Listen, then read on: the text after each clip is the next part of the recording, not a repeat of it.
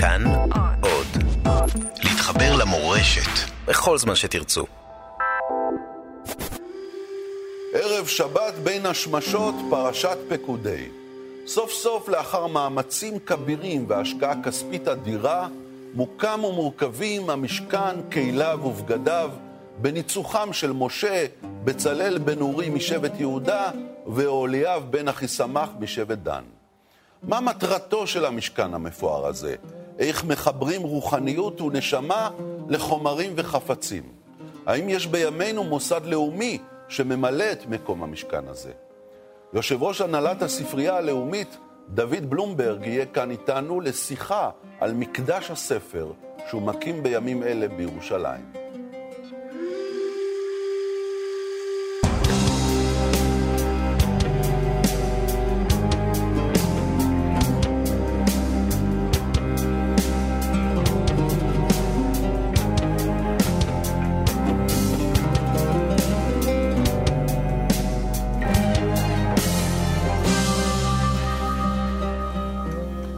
שבת שלום לך, דוד בלומברג. שבת שלום. תגיד, אתה בנקאי שאוהב ספרים, נכון? אני בנקאי שאוהב ספרים. אתה לשעבר אה, יושב ראש של בנקים, ירושלים, עוד כמה בנקים. באת מעולם הבנקאות, והנה אתה בונה את הספרייה הלאומית בירושלים, פרויקט חייך, אפשר להגיד. מעבר כן. אה, מעניין. אני מסכים. ברקע שלי אני כמעט 40 שנה בנקאי, כדי לא לעשות עוול לאף אחד מהבנקים שלא הזכרתי בשמותיהם, אני אציין שהייתי מנכ"ל בנק טפחות, לאחר מכן מנכ"ל בנק ירושלים, אה, בנק המזרחי, ולאחר מכן יושב ראש בנק ירושלים. סך הכל 30 שנה אה, בבנקאות המסחרית ועוד עשר שנים בתפקידים בכירים בבנק ישראל. כך שאכן עיקר עשייתי היה בתחום הבנקאי. כסף, פיננסים, כן, כלכלה, אכן, חומר. ואהבתי את זה, אבל אה, לאורך כל השנים האלה אני אהבתי במיוחד את אה, עולם הרוח. ספרים גם. גם מילדות אתה הולך בוודאי. עם ספרים. בוודאי. כאשר אה, נרשמתי לאוניברסיטה העברית, לא אשכח שבחלק מהטפסים מילאתי אה, חוגים שבהם אני רוצה ללמוד אה, ספרות והיסטוריה, ובחלק אחר, מסיבות של חולשת הדעת, כתבתי כלכלה, כי צריך להתפרנס. כי צריך להתפרנס. ובאת מבית לא, לא עשיר, כן? מה מ- אבא עשה? באתי מבית לא עשיר, זה נכון, ו... אבא, מה הוא עשה, אבא? אבא היה נגר שכיר בדואר, שכיר יום, ואני מגיל צעיר אה, עמדתי בזכות עצמי. אבל קיבלת חינוך לספרים. בהחלט, וואה, זה החינוך העיקרי שקיבלתי. איך הגיעו אליך ספרים? בית עני, לא הורים פרופסורים, לא אנשי ספר לכאורה? כן. מאיפה מגיע לדוד הקטן ספרים? א', אבא היה איש ספר במלוא מובן המילה. אחת לכמה שבועות היה מגיע אלינו הביתה סוכן ספרים עם מזוודה עמוסת ספרים ומציע את מרכולתו לאבא. אבא היה עובר על הספרים ויצרו גבר עליו וכל פעם קנה שלושה, ארבעה ספרים מהערימה הזאת. ולך, נתן לך. נתן, עוד לא נתן לי, נתן לי בהמשך, אבל אה, בחר ושילם והסוכן יצא. Mm. ואני לא אשכח את הוויכוח המתמיד בין אבא ואימא, כאשר לאחר שהסוכן יצא, אימא באה בטענות לאבא, מה אתה קונה? אין לנו כסף, אין לנו כסף לאוכל, מה אתה קונה? ואין לנו מקום בבית. הדירה הייתה אה, דירה של אולי 30 מטר מרובע, 36 מטר אין מרובע. מקום לספרים. אין מקום לספרים, מה אתה קונה? ואבא המשיך בדרכו וקנה אותם, ואני זוכר תמיד, אחרי הוויכוח הזה בין אבא ואימא, אבא היה מטפס על הסולם לבוידם ומחביא את הספרים אוקיי. שם. היום אתה פינית מקום לספרים. מצאת כן. מגרש מתחת לכנסת, אולי המגרש הכי הכי נחפץ במדינת ישראל, ושם אתה כבר כמה שנים אה, מנהל את הפרויקט של בניית הספרייה הלאומית החדשה אה, בירושלים. אני ש... מעורב בפרויקט הזה כבר 15 שנה. אבל בפועל זה ממש אה, היום, בשנים האחרונות. כן, בשנים האחרונות התחילו לעלות על הקרקע. Mm. מלאכת התכנון... ממש בונים, נכון? ממש בונים. ממש בונים. ואתה הולך לשטח, נכון? אתה לא יושב... בהחלט. עם הפועלים. אני באתי, אני באתי היום ישר מהשטח. וזאת חוויה גדולה. זה המקום הטוב ביותר, המתאים ביותר, לא רק במדינת ישראל, אלא בעולם היהודי בכלל, למקם בו את הספרייה הלאומית של העם היהודי במדינת ישראל. טוב, זה הפופיק של אה, מדינת ישראל, זה, זה הטבור, זה, זה הכנסת מפה, מוזיאון ישראל מפה, משרד האוצר משם. הכל, הספר. היכל הספר. כן, והכנסת, ובית המשפט העליון, והאוניברסיטה העברית. אז אתה בעצם בונה משכן לספר. אנחנו בונים משכן לספר, אנחנו בונים משכן לתרבות, ליצירה היהודית לדורותיה. זה לא רק הספר, זה ביטויים שונים, מדיות שונות ליצירה היהודית והישראלית. זאת אומרת, זה לא יהיה רק ספרים, זה, זה מדיות אלקטרוניות, זה בוודאי, סרטים, בוודאי. זה חומרים. מוזיקה ואמצעים דיגיטליים, לא אופניים. זה כאילו יהיה המשכן של התרבות היהודית בעצם? זה מה שאתה אומר? אכן כן. אני... התרבות החיה. זאת אומרת, לא... לא בהכרח כמו מוזיאון ש... שמחפש יש... את, ה... את החפצים, אלא משהו שיש בו רוח. יותר. בהחלט, אם יהיה לנו זמן, ניכנס לשאלה הזאת של מה ההבדל בין מוזיאון ובין ספרייה לאומית בהקשר של הספרים. אני רוצה להדגיש דבר אחד. אנחנו רואים בספרייה הלאומית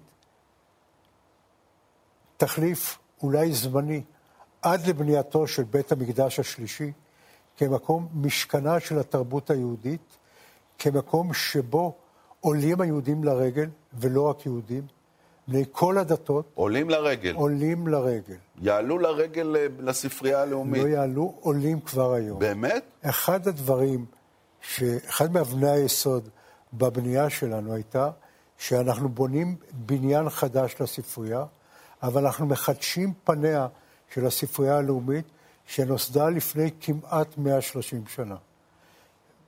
אנחנו מחדשים פניה של הספרייה. ובמקביל לבניית הבניין החדש, אנחנו כבר עכשיו מתרגלים את הפעילויות שיעשו בבניין, את אה, מוקדי המשיכה של הספרייה להמוני בית ישראל. אבל מעניין אותי שאמרת עלייה לרגל, כבר עולים לרגל? עולים אליכם עלייה לרגל? אני אתן לך דוגמה, א', כן. אה, תן לי דוגמה באמת. אני אתן לך דוגמה אחת שנחרטה בזיכרוני וסמרו שערותיי כשראיתי אותה. לפני בערך ארבע שנים הגיעה אלינו לספרייה משפחה אתיופית. לבושים בגדים לבנים כולם, אווירה של עלייה לרגל. ובמרכז עמדה מישהי והיא החזיקה ביד, כמו עולל קטן, החזיקה ספר תורה, אורית, כפי שנקרא בשפת הגז, שנכתבה על ידי אחד מאבות המשפחה לפני 400 שנה,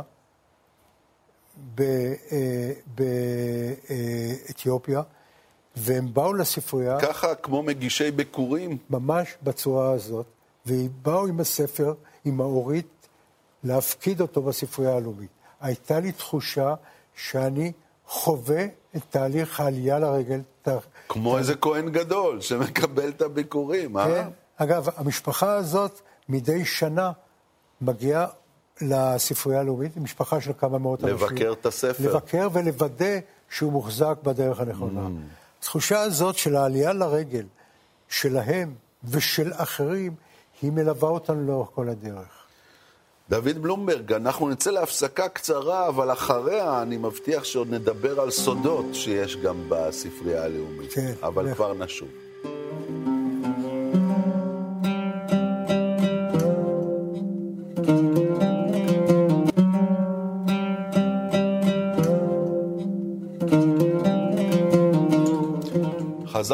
אליכם בין השמשות, פרשת פקודי, איתך יושב ראש הספרייה הלאומית אה, בירושלים, דוד אה, בלומברג. משימה גדולה יש לך לשלב בעצם עולם של רוח, תוכן, ספרים, עם אסתטיקה, בעצם מזכיר את, ה, את, ה, את המורכבות של בניית המשכן, כפי שאנחנו קוראים פה בפרשה, עם אה, אוהליה ועם בצלאל ומשה, שבעצם יש לנו פה עיסוק באסתטיקה, בחומרים יפים, במתכות אצילות, בכלים נעים, אבל בעצם, מה המרכז? האסתטיקה או הרוח? מה, מה קורה פה? מה החיבור הנכון בין, ה, בין החלקים האלה? בראש ובראשונה, נושא הרוח והתרבות. במונחים שלנו היום, מקומה של התרבות בחיים שלנו. השאלה הזאת של מקום התרבות, משקל התרבות, משקל של היצירה התרבותית בהוויה אה, הקיומית שלנו, היא השאלה המרכזית לדעתי. והתחושה שלנו היא שאנחנו מקימים בירושלים את המוסד התרבותי החשוב ביותר בארץ, מוסד תרבותי שככל שהחיים בארץ נהיים מורכבים יותר, גדלה חשיבותו. בספרייה הלאומית מתקיים באופן יוצא דופן מפגש של תרבויות. אתה יכול בו זמנית לפגוש שם אוכלוסייה חרדית וחילונית, יהודית וערבית, ישראלים ולא, צעירים ולא, וכן הלאה וכן הלאה. וזאת חוויה וזה צורך אמיתי לאומי. אבל מה אתה לומד מהמשכן על היכולת להכיל את הרוח בתוך החומר? א', צריך לזכור ששיאה של הפרשה מתייחסת לשאלה של הכנסת העדות, כן, לתוך ה... לתוך הארון. להכנסת לוחות הברית הכנסת בעצם. הכנסת לוחות הברית, בוא, שזאת העדות. בואו נקרא את זה באמת, כי זו uh, באמת ההזדמנות שלנו לקרוא כמה פסוקים מן הפרשה, אחרי שמשה ו- וחבריו לבניית המשכן גומרים לסדר את הכלים, לפרוס את היריות, להעמיד את העמודים. ויעש משה ככל אשר ציווה, והיה אותו כן עשה, ואז ויקח וייתן את העדות אל הארון, וישם את הבדים על הארון, וייתן את הכפורת על הארון מלמעלה. אתה יודע שיש דיון בגמרא, האם רק העדות, לוחות הברית היו בתוך הארון, או שכל התורה הייתה בתוך הארון? כל התורה. כל התורה. זה דיון מעניין. מכל מקום, בוודאי שהיה משקל למילה הכתובה ולתרבות זאת אומרת שבלב, כבר באותם ימים רחוקים. בלב של המשכן, בקודש הקודשים. של המשכן. זה המילה, הקודש. זה האות הכתובה. כן. אתה, יש, אתה, תן לי דוגמה למשל הספרייה הלאומית, על החיבור, השילוב הזה של האות עם העולם של האסתטיקה. אנחנו חשבנו שבספרייה הלאומית או בסביבת הספרייה יש מקום לתת ביטוי לאות. למילה הכתובה. מהי ספרייה בעצם? ספרייה היא צירוף אינסופי של 22 אותיות. צירוף אינסופי אין של... אין סוף וריאציות, לחיבורים האפשריים. ו- וזאת כל הספרייה, וזאת כל התורה. חשבנו לבטא את מקומן של האותיות בסביבה של הספרייה, איך? כמשקפת את תכני הספרייה. איך? ביקשנו ממיכה אולמן. הפסל, האומן. הפסל, מיכה אולמן, פסל ישראלי מהשורה הראשונה בעולם, ידוע ומוכר. הוא אותו... עשה את הפסל בברלין, נכון? שיש שם אה, אה, על, על הכביש, על המדרכה, באמצע העיר, מין בור כזה כן. בתוך האדמה, ובתוכו ספרייה ובתוכו ריקה. ובתוכו מדפי ספרים מד... ריקים. כן. זה במקום מקום... שהיה, שהיה השריפה של הספרים בליל הבדולה. במקום הזה... שרפו את הספרים ב-1933.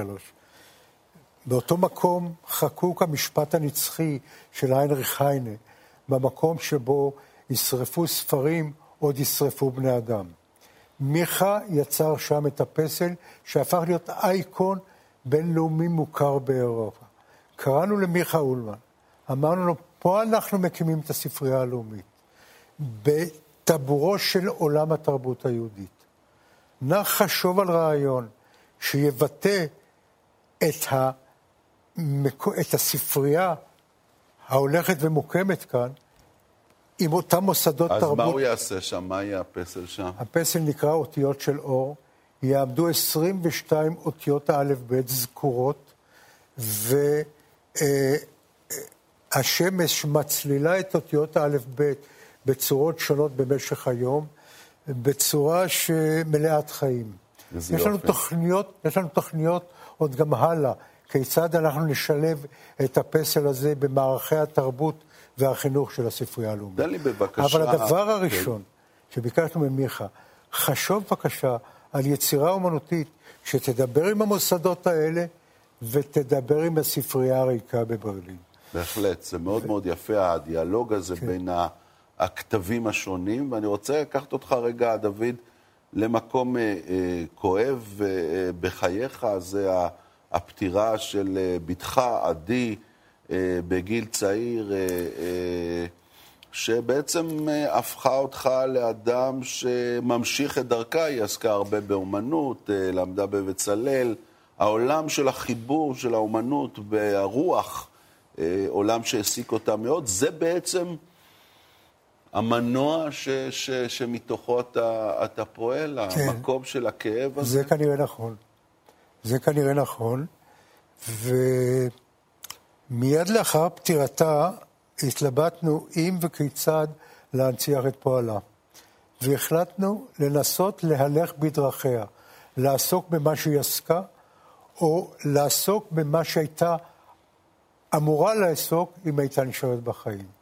וחשבנו שהחיבור הזה, המתח הזה, שבין יהדות ואומנות, בין קדושה ואסתטיקה, זה המתח שבו היא חייתה, אותו היא חוותה, והקמנו קרן שנועדה לטפח את הדיון הציבורי בקשר שבין יהדות ואומנות. זה מרפא את הכאב?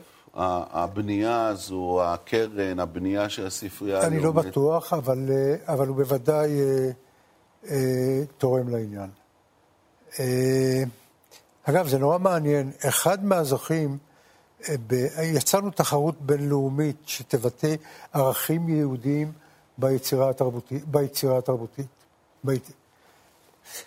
לא קראנו לזה יודאיקה, אלא ביטוי יהודי באומנות.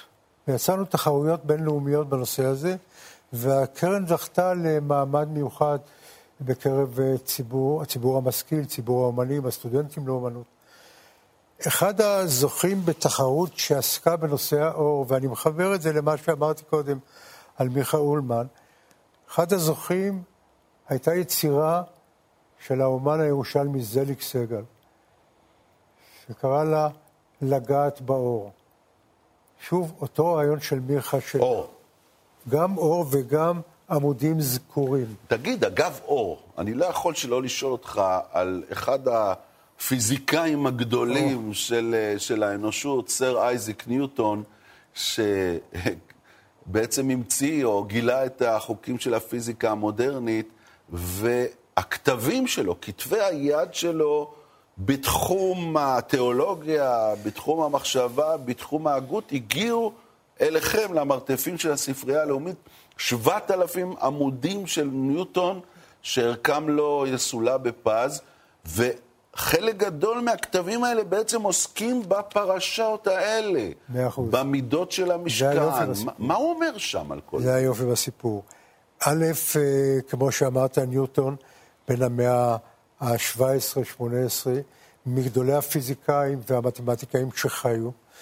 אה, כתב הרבה מאוד, התעסק, הוא היה נוצרי מאמין, התעסק הרבה מאוד בתיאולוגיה, מכל מיני סיבות. אחת הסיבות הייתה ההכרה שלו שבעצם המשכן והמקדש הם רלוונטיים לעתיד לבוא כאשר יבוא גואל. ו...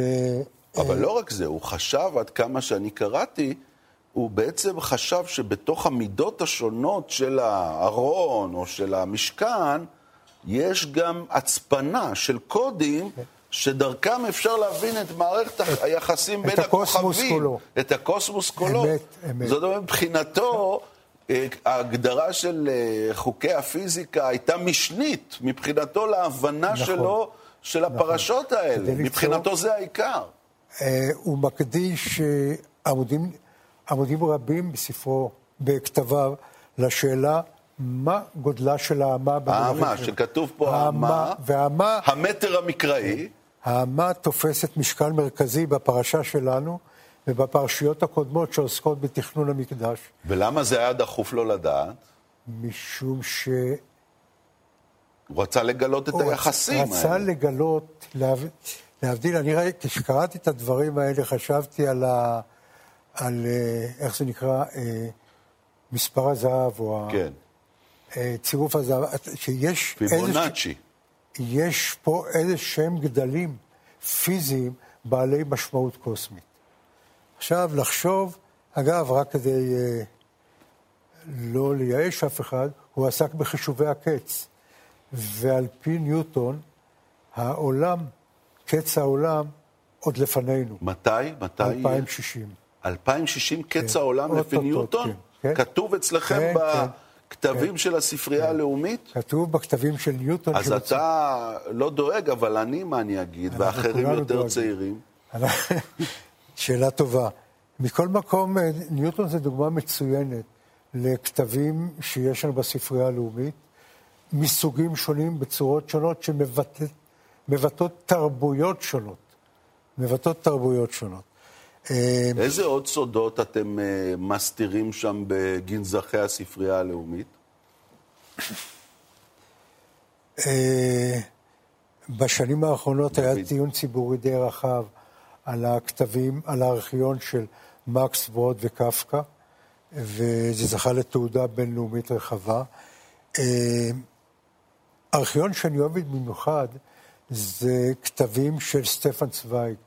מגדולי... הסופר הגרמני. הסופר האוסטרי, האוסטרי, מגדולי אנשי הרוח של המאה ה-20. באופן מאוד מעניין, ב-1933, אחרי שעלו הנאצים לשלטון, הוא הרגיש שהקרקע מתחילה לבעור. והוא כתב uh, מכתב סודי מנהל הספרייה הלאומית באותם ימים, הוגו ברגמן, וסיפר לו שהקרקע מתחילה לבעור, והוא החליט להעביר לו חלק מהאוטוגרפים שמצויים באוספיו. הוא היה אחד מגדולי אספני האוטוגרפים בעולם, והוא העביר לו מאות, כמה מאות אוטוגרפים, שהסתבר אחר כך שהם היו של סופרים יהודיים וציוניים, והם מצויים אצלנו. תגיד, איך הגיעו הדברים אליכם? נגיד אה, ניוטון, איך זה מגיע מאנגליה אליכם, במקום שזה יהיה בטאוור אוף לונדון, כן, באוצרות של הממלכה הבריטית? חלק גדול מאוצרות הספרייה הלאומית של אותם ימים, רחוקים, הגיעו באמצעות אה, תרומות של אספנים מכל העולם. האוסף הזה של ניוטון נרכש על ידי מדען מזרחן, אברהם שלום יהודה, שהיה כל חייו גם מזרחן ידוע ואספן בלתי נלאה. ואנטי ציוני ידוע. ואנטי ציוני. הוא עזב את הארץ בשנות כן. ה-40 או ה-50, כי כן. הוא, הוא לא רצה קשר לציונות. כן. והוא בסוף תורם את ה... אבל הוא תורם את זה לספרייה הלאומית. ואיך הוא השיג את זה? זה נורא מעניין. הייתה מכירה פומבית של כתבי ניוטון בסוטביס בלונדון, של מכלול כתבי ניוטון. ובאותו, בדיוק באותו יום שהייתה המכירה הפומבית של ניוטון בסוטביס, בצד השני של הכביש הייתה מכירה פומבית של אה, יצירות אומנות עכשווית. ומרבית הקהל נהה לשם, ולכן המחירים של כתבי ניוטון היו במונחים שלנו על הרצפה. ואברהם יהודה קלט את זה. אברהם שלום יהודה קלט את זה. יחד עם הכלכלן הידוע ג'ון, ג'ון מיינרד קיינס, שקנה את הכתבים המדעיים שלו. היות והחלוקה אצל ניוטון בין כתבים מדעיים וכתבים תיאולוגיים... לא הייתה חדה. היא לא חדה, אז הם החליפו ביניהם גם.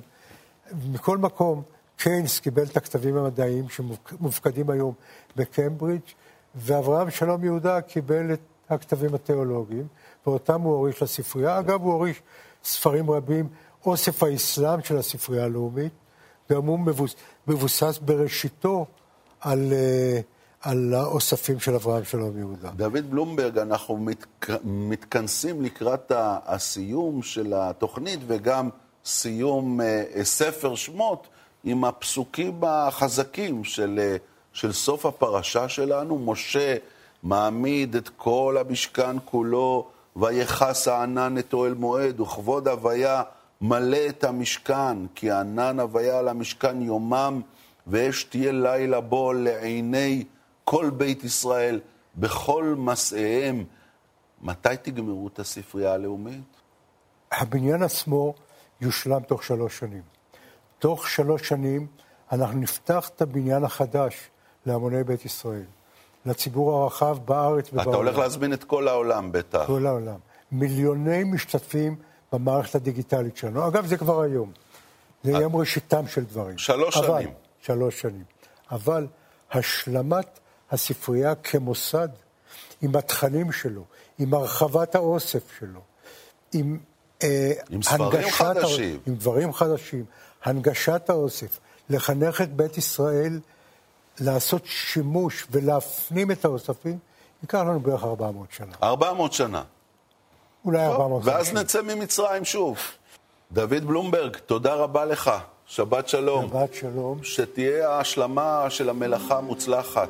תודה. תודה רבה. תודה רבה. שבת שלום גם לכם. בשבוע הבא אנחנו נתחיל את ספר ויקרא, ספר חדש, עוסק בקורבנות, במשכן, ננסה לברר את המשמעות של הקורבנות, חטאת, קורבנות הנשיא.